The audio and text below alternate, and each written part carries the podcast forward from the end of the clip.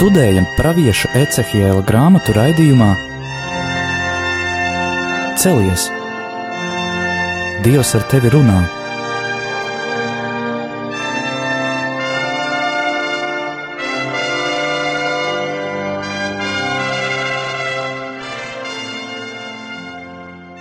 Slavēts Jēzus Kristus, mūžīgi mūžos slavēts, studijā Stēlā un Anžela. Un turpināsim lasīt, ko Dievs šodien runā uz mums caur praviešu Ecihēlu grāmatu. Iepriekšējās reizēs mēs redzējām, kāda ir sauso kaulu ieleja, izgājām cauri salīdzinājumiem, kas tie varētu būt un kā viņi, kad top tiem sludināts, atgūst cilvēku veidolu un var celties augšā, un arī pieskāramies tam jēdzienam, kā pat trīskārša augšām celšanās, kā mēs varam to saprast vairākos līmeņos, ka tā ir cilvēka iekšēji augšām celšanās, augšām celšanās laiku beigās, un ka varam to saprast arī kā baznīcas atzīmšanu, jo redzam, ka šobrīd tā situācija mums liekas, nu, nav laba, tā ir, citi saka, pat kritiska, bet ka tieši no tā mēs redzam, viss notiek, ka viņa var augšām celties pravieša. Ecihela grāmata mums dod šo cerību. Bet tā kā jau tuvojamies grāmatas beigām, un tēli tiek raksturoti tur daudzos un dažādos teikumos, un atbilstoši tā laika rakstības stilam, kāds bija austrumos, ir daudz frāžu atkārtojumu, jēdzienu atkārtojumu, kad cilvēks tos var ļoti labi atcerēties, un tie labi paliek prātā. Bet mēs katru vārdu nepētīsim, bet mēģināsim atkal, kā jau iepriekš, saprast galvenās domas, kas ar katru simbolu, ar katru tēlu ir domāts. Un šodien jau pievērsīsimies 38. un 39. nodaļai, kur ir runa par Goga iebrukumu Izraēlas zemē, dievu spriedumu Gogam un pasludinājumu pret Gogu. Un tur ir runa par tādu Gogu un Magogu, kas tie tādi ir, un ka viņš, Gogs, nāk ar lielu karaspēku savāktu no dažne dažādām tautām pret Izrēļa tautu. Un mēģināsim saprast, kas tas bija tajā laikā, kā to saprast attiecībā uz tautām un kultūrām vēsturē, un arī kā katrs Bībeles teksts kaut ko pasaka arī par to, kas notiek mūsu pašu dzīvēm.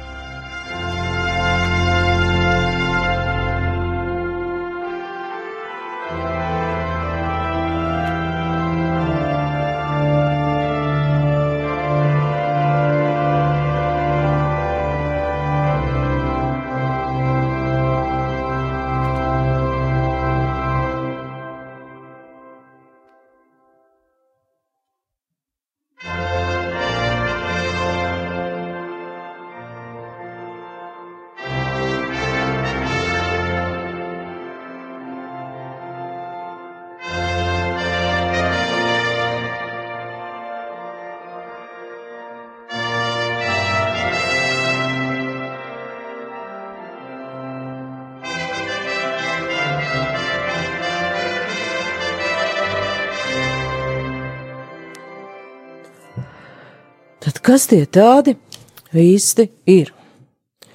Minēts Koks un Magoks, un kā vienmēr vārds ir pie pravieša Ecehēla, cilvēka bērns griez savu maigu pret Gogu Magogas zemē.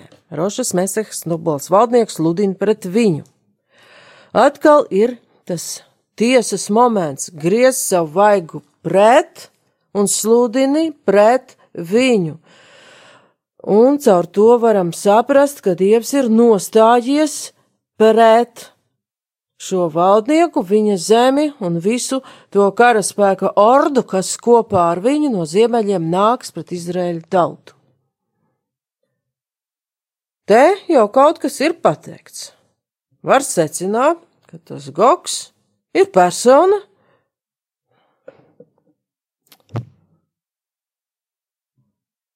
un valda Magoga zemē. Tātad Magogs ir zeme, Goks ir persona. Un krieviski laikam bija pat precīzāk un skaidrāk pateikts. И было ко мне слово Господне, Сын человеческий, обратилице твою Гогу в земле Магог, князю Роша, Мешеха и Фувала, изреки на него пророчество. Paldies! Un atkal šeit ir krievu valodā, mēs redzam, ka vārds bija klāt, un tas ir izrieki, preķivņevo pret viņa, tas ir izrunā pret viņu, uz, pravi, viņu. uz viņu pravietojumu. Tātad šis vārds ir izrunāts uz šo valdnieku, tas nāk par viņu, tas ir smags vārds, kas nāk par šo valdnieku valdnieku, bet tālāk mēs redzēsim, kāpēc šis uh, vīrs, šī persona neko nedara.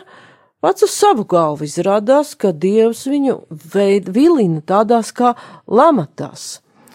Un interesanti ir, ka tas magoks ir minēts arī radīšanas grāmatā, desmitā nodaļā, otrā pantā, bet tur viņš ir kā persona starp Jafeta dēliem, desmit divi, ja to var atrast. Šis ir nosa dēla paudzes Šēma, Hāma un Jafeta. Pēc plūdiem tiem dzima dēli, Jafeta pēcnācēji, Jafeta dēli Gomers, Magoks, Mādais, Javāns, Tubais, Mešaks un Tiras. Nu, interesanti, ka vēl ir minēts arī desmitā nodaļā, trešā pantā tāds torgama, kas ir šeit redzams 38. nodaļā, s- 38. nodaļā piecihila 6. pantā. Kimerieša visiem saviem karapulkiem torgamas nams. Togarmas nams, atvainojos, bija nedaudz problēma ar kurš burcais, kura burta atrodas. Togarmas nams, un tā tad viņš ir minēts arī radīšanas grāmatā. Tā tad var saprast, ka te ir runa par tādu gandrīz vai pat karaspēka lielu pulku un valdniekiem, pat simboliskā nozīmē, kas var notikt jebkurā laikā, jebkurā vietā, pagāniskas tautas sabiedrojas un uzbrukt kādai tautai vai civilizācijai, kura grib un seko dieva nodomam. Līdzīgu tekstu, kā 38. nodaļas ievadā, mēs redzam arī 39. nodaļā. Tad tās nodaļas atsevišķas lietas atkārto, un tur arī ir gandrīz viens pret vienu, ja tā varētu izteikties tautas valodā. Tāpēc tu cilvēka bērns sludini pret Gogu un saki tam, tā saka Dievs tas kungs redzi, es celšos pret tevi Gogu, tu rošas, mesehas un tubalas valdnieki. Es tevi pievilināšu sev klāt un vedīšu saitē no visatālākiem ziemeļiem un likšu tev doties virzienā uz Izrēla kalniem un tajos nonākt. Nu, 39. nodaļa, šis pants, otrais pants, viņš ļoti skaidri pasaka, ka Dievs ir tās, kas šim valdītājam liks vākt lielu karaspēku un doties pret Izraēļa tautu. Arī 38. 4. pants, es tevi atvilināšu šurp, es tev likšu dzelžu smutē, un tevi izvedīšu cīņā ar visu tavu karaspēku zirgus un jātniekus, visus pilnā kaujas stērpā, milzīgu pulku, kas visi ar lielajiem un mazajiem vairogiem un apbruņoti ar zobeniem. Un tātad pilnā kaujas stērpā ļoti labi bruņots karaspēks. Un atkal ir tas teksts, kad Dievs saka, es tevi atvilināšu šurp. liekas, ka no dieva puses it kā kaut kāda viltība. Arī par, varam lasīt eh, izceļošanas grāmatā par to, ka izceļoja ebreju tauta no Ēģiptes, ja, un kā tika nocietināta faraona sirds, ja. Es nocietināšu faraona sirdi un darīšu Ēģiptes zemē daudz zīmju un brīnumu, bet faraons jūs neklausīs. Tad es pielikšu Ēģiptei savu roku, un es izvedīšu savus pulkus, savu tautu, Izraēla dēlus, no Ēģiptes zemes ar varenu tiesu. Tad eģiptieši zinās, ka es esmu kungs, kad es izstiepšu savu roku par Ēģipti un izvedīšu no tās Izraēla dēlus. Paldies! Un šeit ir tā kopīgā iezīme par šiem tekstam, kas ir no Tāras, ko nolasīja Anžela, no ļoti seniem notikumiem, ka Dievs nocietināja faraona sirdi, un te var lasīt un saprast, ka Dievs ievilina to gogu tādā neizpratnē, nesaprašanā, ka viņš pats iet tur, kur vēlāk tiks smagi sakauts, un kā mēs 39. nodaļā jau varam lasīt, 11. pantā, tanī laikā es ierādīšu Gogam, kapa vietu Izrēlā ceļinieku ieleju, kas iet no nāves jūras uz rītiem, tur beigsies viņa kara gaitas. Tur apraks Gogu un visa viņa karaspēka, un to nosauks par Goga karaspēka ieleju. Tad uh, šis karaspēks ar visu valdnieku tiek ievilināts tādā vietā, kur tiek iznīcināts. Un tur arī var uzķert zināmu līdzību ar to, kas notiek Izceļošanas laikā tas faraons, viņa sirds bija apcietināta, viņš jau nelikās mierā, viņš dzinās izrēliešiem pakaļ. Un mēs jau atceramies tos notikumus, kas tur notika sarkanajā jūrā, kā arī faraona karaspēks, viss gāja bojā.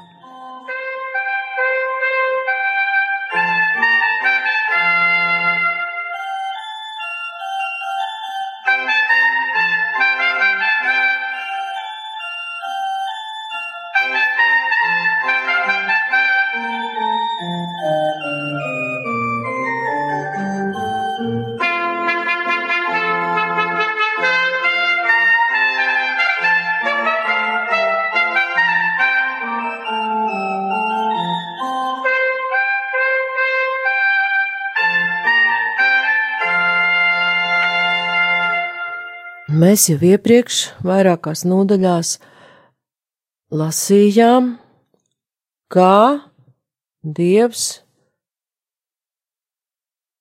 vērsās pret tautām, kas pat vēlēja ļaunu vai gribēja ļaunu izredzētajai tautai, un sapratām, ka Dieva acīs arī ļauns nodoms ir līdzvērtīgs ļaunam darbam, un 38. nodaļā mēs varam jau saprast, kas tur īsti notiek un kāpēc tam Gogam ar visu karaspēku vēlāk ir jāiet bojā. Mēs varam lasīt 38. nodaļā, 11. pantā, un pat no 10. varam. Tā saka Dievs tas kungs, tanī laikā tavā sirdī modīsies kādas domas, un tu izprātos ļaunu pasākumu un tu sacīsi, es došos uzbrukumā pret nenocietinātu zemi, pret tiem, kas dzīvo mierā un drošībā, pret ļaudīm, kas dzīvo bez mūriem, bez aizšaujamiem un bez vārtiem, lai postīdams postītu un laupīdams laupītu, lai paceltu savu roku pret posta vietām, kas atjaunotas, un pret tautu, kas sapulcināta no citu tautu vidus, kas jau ieguvusi lopus un mantu un dzīvo pašā zemes vidū. Seba un Dēdana un to tirgotāja Taršiša un visas tās valdnieki tev sacīs, vai tu atnāc, lai laupīdams laupītu, lai ar saviem ļaužu bariem noplicinātu zemi, piesavinātos sudrabu un zeltu lopus un mantu, tad aizietu ar bagātu laupījumu. Un te mēs lasām, ka Goga sirdī ir ļaunas domas un ļauns pasākums. No tādas laicīgas varas pozīcijas viņa domāšanas veids ir pavisam saprotams. Ir tauta, kuru kungs atvedis mājās, ir jau kāda bagātība, jau kaut kas ir sakrājies. Nu, ko, ko par to var teikt? Gatava sila, ej un ēd! Un šis valdnieks tieši tā arī to redz un jau prāto par šo iebrukumu. Un te jau redzam minēts tos tirgotājus, staršišus un dedanas un vis visādus, kuri jau skatās, ah, tur būs laupījums, tur būs tirdzniecība un tur būs ļoti liela bagātība. Nu, būs labi, lai viņš iet un laupa. Bet viņš ir izprātojis uzbrukumu neaizsargātajam. Viņš lolo sliktu nodomu pret savu tuvāko. Un, jā, Nu, jā, arī var izlasīt no pirmās vēstules korintiešiem, tā ka netiesājiet pirms laika, kamēr nav atnācis kungs. Viņš nāks un apgaismos tumsā apslēpto un darīs redzamus sirds nodomus, un tad katram būs sava uzslava no dieva. paldies! Šeit varētu teikt, ka tas ir jaunā derība, pagriezts jau no citas puses, ka Dievs redz gan labu, gan ļaunu nodomu, un tiesu mēs varam arī saprast kā situācijas novērtēšanu, Jā, kura šai gadījumā izrādījās nu, ļoti šķērsām. Nu, izrādījās patiesībā šķērsām, bet cilvēku acīs skatoties labvēlīgi. Neviena nav, bagātība ir, ejam, ņemam ciet, bet Gogs aizmirsa, ka Dievs ir tas, kas cīnās par šo tautu. Jo, ja atceramies izceļošanas notikumu, tad varētu lasīt, ka Dievs arī kavēja faraona eh, jātnieku un ratu vadītāju, ja visu to kustību uz priekšu.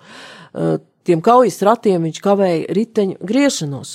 Un tieši šo apstākli Dievu Goks nav ņēmis vērā, un to mēs daudzreiz varam novērot pasaules vēsturē pie vareniem tirāniem, valdniekiem, karavadoņiem, diktatoriem, ka viņi visu ko ņem vērā, izņemot Dievu.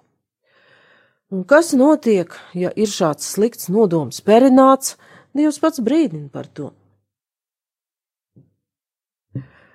Salamana pamācības 3, 29. Un tur šis brīdinājums ir tāds uh, mierīgs, bet dziļš, un vairāk ir attiecināts uz to, kā cilvēki kaimiņos dzīvo.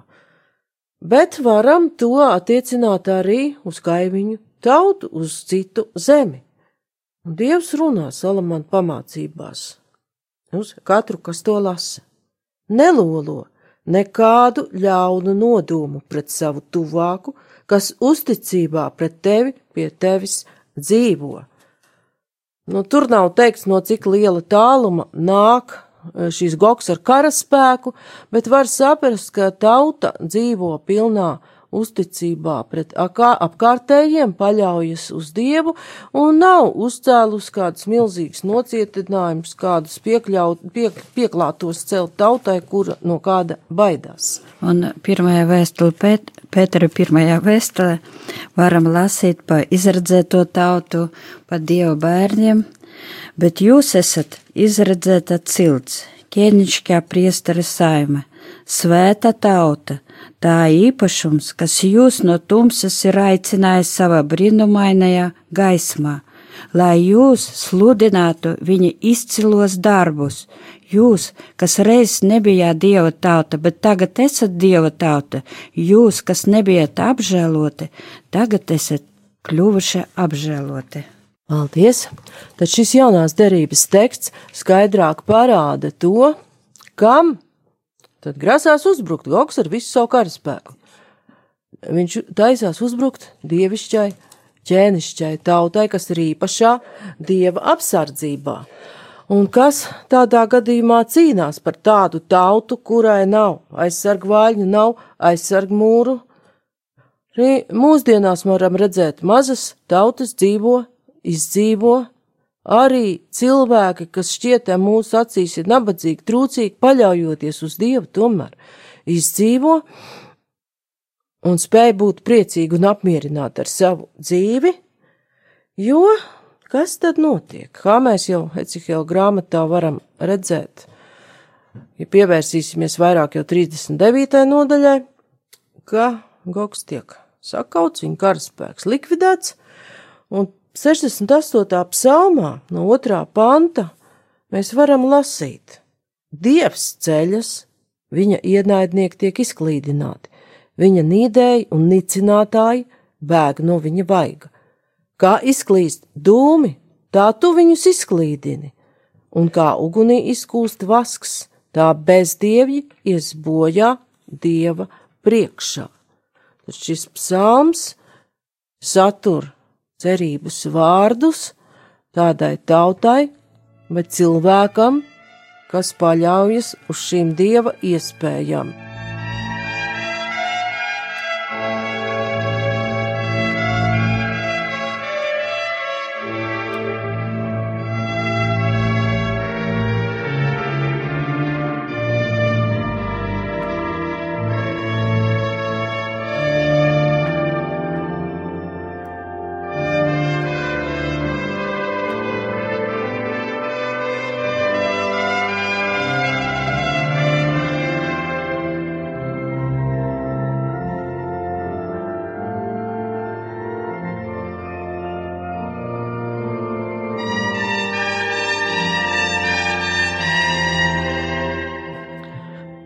Kā šeit mēs īsti nevaram saprast, vai tā ir konkrēta kāda persona, drīzāk varētu domāt, ka nē, ka tas apzīmē jebkuru šādu valdītāju, kas spēj zem savus cepters savākt daudz un dažādus karotājus, varam atcerēties tur gan Romas impēriju, gan vēlāku laiku, gan nacistisko Vāciju, gan Padomju Savienību, kas arī savāca satelīta tautas, viņas pat bija spiestas kalpot šajos karaspēkos, nu, un uzskatīja, ka ir pietiekoši varenas, lai dievu un viņa spēku vispār vērā neņemtu. Bet ir arī pieņēmums, ka konkrētajā laikā tas varētu būt Sīrijas valdnieks Antioks Epifants, jo viņa armijā arī kalpoja ļoti daudzas tautas, un ir bībeles pētnieki, kas tur saskata pat tādu zināmu norādi uz konkrētu vēsturisku notikumu. Bet mums drīzāk būtu saistošāk un varbūt pat labāk pievērsties tai nozīmei, šajā tekstā, kas jau attiecas pat uz laiku beigām. Un laiku beigas pienāk arī katra cilvēka dzīvē, kad viņš tiekas ar Dievu, aizejot no šīs zemes. Zināmā mērā tas pienāk arī tad, kad mēs, vai kā tauta, vai kā katrs atsevišķs cilvēks, sastopamies ar ārkārtējām situācijām, ar lielu nelaimi, kur paši saprotam netiekam galā, jo te parādās šis dieva tiesas moments, kas ir ļoti līdzīgs pat jau ar Jāņa atklāsmes grāmatu, un Dievs pats pasaka Ecihela grāmata 38. 39. nodaļā, ka tas viss notiek, lai viņš varētu atklāties tautai. 15. pantā 38. nodaļā mēs varam lasīt. Tā tu nāks no savas dzīves vietas, no galējiem ziemeļiem, un daudzas tautas kopā ar tevi. Visi stalti sēdedam zirgos, liels pulks un varants karaspēks, un tu virzīsies pret manu Izrēla tautu kā negaisa mākonis, lai apklātu zemi. Tas viss notiks dienu galā, ka es tevi sūtīšu pret manu zemi, lai citas tautas mani iepazītu, kad es pret tevi, Gog, viņu acu priekšā parādīšos kā svētais. Tad atkal mēs redzam, ka notikumu virzītājs ir Dievs, lai viņš varētu atklāties kā svētais. Un no ziemeļiem tajā laikā izradzētai tautai vienmēr nāca iekarotāji. Tas bija pagānu tautas. Arī Romas impērija, kad tā jau bija izlaidusies un kļuvusi vāja, nāca barbaru tautas no ziemeļiem, to sakām. Tās bija mežonīgas, maz civilizētas, bet viņiem bija tas dzīvais spēks un enerģija un izturība sakaut. Un redzam, ka tur to tautu arī ļoti daudz. Un te ir tas teksts, kas mums varbūt pat ir nepieņemams un grūti saprotams ka es tevi sūtīšu pret manu zemi. Kāpēc Dievs kādu sūta pret viņa zemi? It kā iznāk, ka Dievs pats. Pak... Jā. Jā, Anģela jau te iet pa priekšu un redz to nozīmi. Te tekstā tieši nav, viņu acu priekšā parādīšos kā svētais bet dievu kā svēto jau ierauga tie, kas iztur pārbaudījumu. Un pie Pāvila, ja mēs tagad būtu vēl laiks iedziļināt, iedziļināties, mēs redzētu, ka viņš runā pat par zeltu kausējamā krāsnī. Tātad Dievs pārbauda tautu, pieļauj pārbaudījumu. Apstākļos, ka viņai faktiski nav citas iespējas, kā paļauties uz Dievu. Nocietinājumu nav, mūru nav, nekā nav, izņemot Dievu. Tas notiek, Dievs varētu atklāties kā svētais. Un, ja mēs skatītos Ecihela grāmatas 39. nodaļas noslēgumu, tas ir vēl skaidrāks no 27.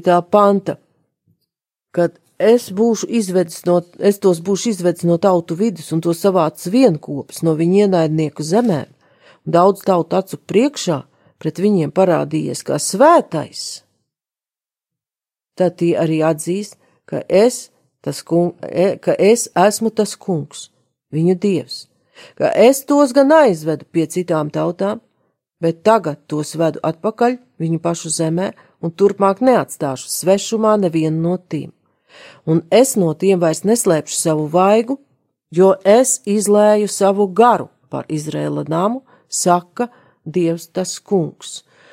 Tātad te jau mēs redzam vārdus, kas sabalsojas ar Joēla grāmatas vārdiem, trešajā nodaļā, pirmā pantā, ka tur dēli un meitas pravietos un redzēs sapņus, jo gars tiks izliets, Un notiks, ka es izliešu savu garu pār visu miesu, un jūsu dēli un jūsu meitas pasludinās nākamas lietas, jūsu vecie redzēs aklā, atklāsmes sapņos, bet jaunie redzēs parādības.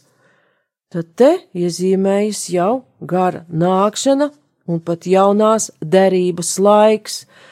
Tātad šo juceklīga karaspēka sagrāvi mēs varam redzēt arī kā Kristus nākšanas priekšpasludinājumu pat divējādā nozīmē, ka viņš iemiesojās, ienāk pasaulē kā mazs bērns, un ka viņš atnāk laiku beigās, bet nākamajā reizē jau mēs mēģināsim to apskatīties tuvāk.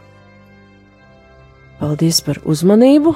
Studijā bija Stela un Anģela.